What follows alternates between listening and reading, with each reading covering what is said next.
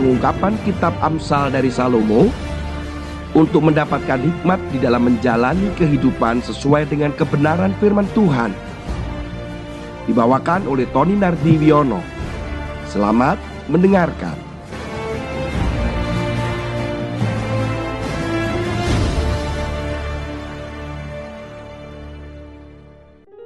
Shalom Bapak Ibu sekalian, bacaan kita pada hari ini adalah di dalam Amsal pasal yang keempat ayat yang ke-24.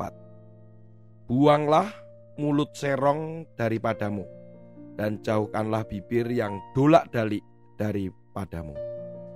Mulut yang serong daripadamu itu sama dengan kebohongan Sementara dolak dalik daripadamu itu adalah mengarah pada ketidakkonsistenan. Artinya selalu tidak konsisten, tidak tepat atau berubah-ubah.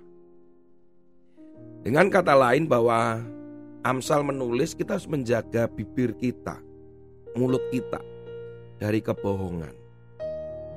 Yang ada adalah kejujuran, itu yang dimaksudkan demikian.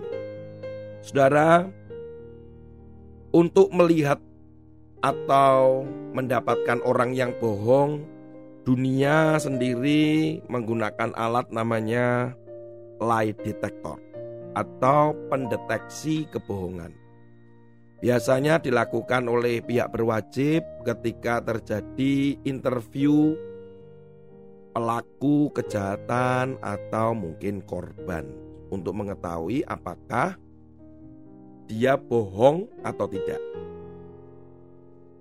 Pendeteksi kebohongan ini hanya menggunakan indikator-indikator atau tanda-tanda yang ada di dalam tubuh kita. Salah satunya adalah detak jantung. Ketika seseorang berbohong, itu ternyata detak jantungnya akan berubah. Nah, itulah yang ditangkap oleh mesin ini, sehingga mesin ini akan menunjukkan detak jantung yang berdegup lebih cepat.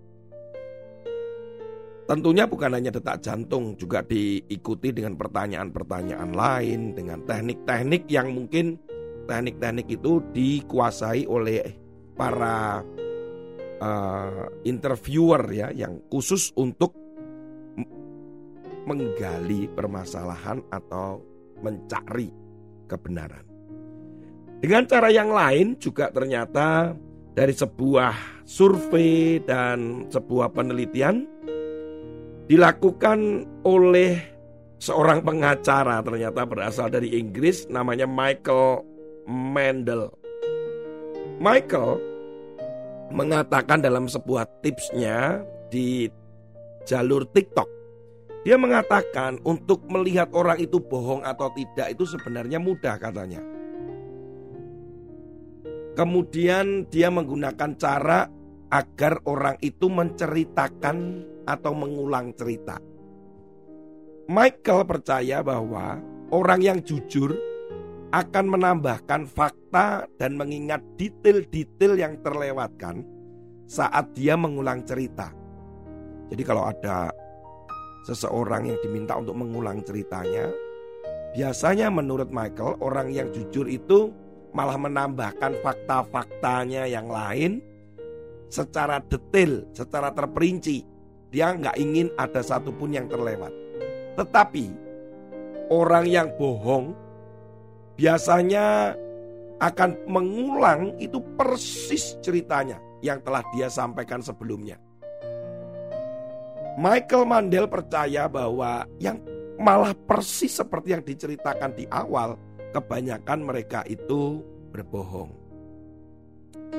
Saudara, apa pun yang alasan berbohong, manusia ini ternyata di dalam kebohongan itu dilakukan rata-rata 1.65 kali dalam satu hari. Dengan kata lain, setidaknya lebih dari sekali saudara dan saya mungkin itu berbohong. Kalau 1.65 ya artinya hampir dua kali lah saudara. Dalam sebuah penjelasan yang dilakukan oleh Elizabeth dan dilakukan juga oleh peneliti Bella De Paulo yang dilaporkan dalam Psychology Today, De Paulo menanyai 147 orang yang membuat dirinya itu mengapa dia berbohong selama satu pekan. Memang benar dari 147 orang itu ternyata juga ditemukan setidaknya satu sampai dua kali dalam sehari mereka berbohong. Nah, alasan-alasan inilah yang akhirnya muncul. Kenapa seseorang itu berbohong? Yang pertama, orang itu berbohong itu karena melindungi dirinya. Kalau dalam istilah psikologi disebut self defense mechanism. Mekanisme pertahanan diri. Orang itu berbohong itu untuk melindungi dirinya. Karena dirinya sedang terancam. Menghindari sesuatu yang negatif yang bisa saja terjadi pada dirinya. Contoh, ketika tertangkap basah melanggar lalu lintas Kemudian polisi akan mendatangi saudara. Kemudian polisi akan menunjukkan pelanggaran saudara. Kebanyakan orang yang tertangkap akan mengelak, berargumen dan di dalamnya ada kebohongan. Saya sendiri nggak yakin ya. Tetapi enggak kok, enggak kok, bukan begitu. Enggak. Ah, Bapak salah. Padahal faktanya benar. Karena merasa orang itu terancam. Kadang kita terancam sehingga kita terpaksa kita harus berbohong. Itu alasan yang pertama bahwa mengapa manusia itu berbohong untuk melindungi dirinya. Gitu. Yang kedua, alasannya adalah untuk melindungi orang lain. Nah, ini yang sering kali disebut sebagai kebohongan baik. Dosa putih katanya. Ya. Tetapi dosa tetap adalah dosa, kebohongan adalah kebohongan melindungi orang lain ini yang disebut sebagai kebohongan yang baik. Untuk membuat orang itu aman, terhindar dari rasa malu, terhindar dari ancaman atau hukuman, menghindar dari luka. Dan contohnya gampang, mudah. Kalau kita sedang melindungi seseorang, kemudian ditanya, "Di mana dia sekarang?" Waduh, saya tidak tahu ya. Padahal kita tahu supaya orang yang kita lindungi tidak ditemukan oleh orang yang mencari. Atau hal yang lain. Ketika sahabat kita, orang tua kita, adik kita, pendeta kita, gembala. Ketika ditanya, eh apa bener nih? Pendetamu melakukan korupsi. Eh kakakmu aku lihat dia selingkuh.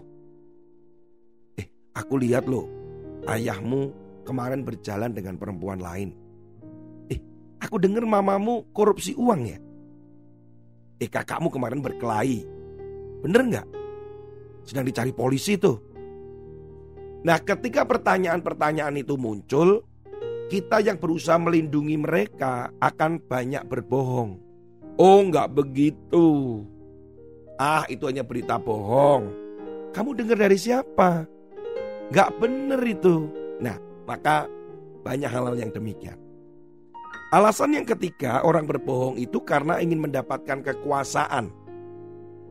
Kalau diperluas ingin mendapatkan kekayaan, uang, harga diri dengan memanipulasi orang untuk mencari keuntungan.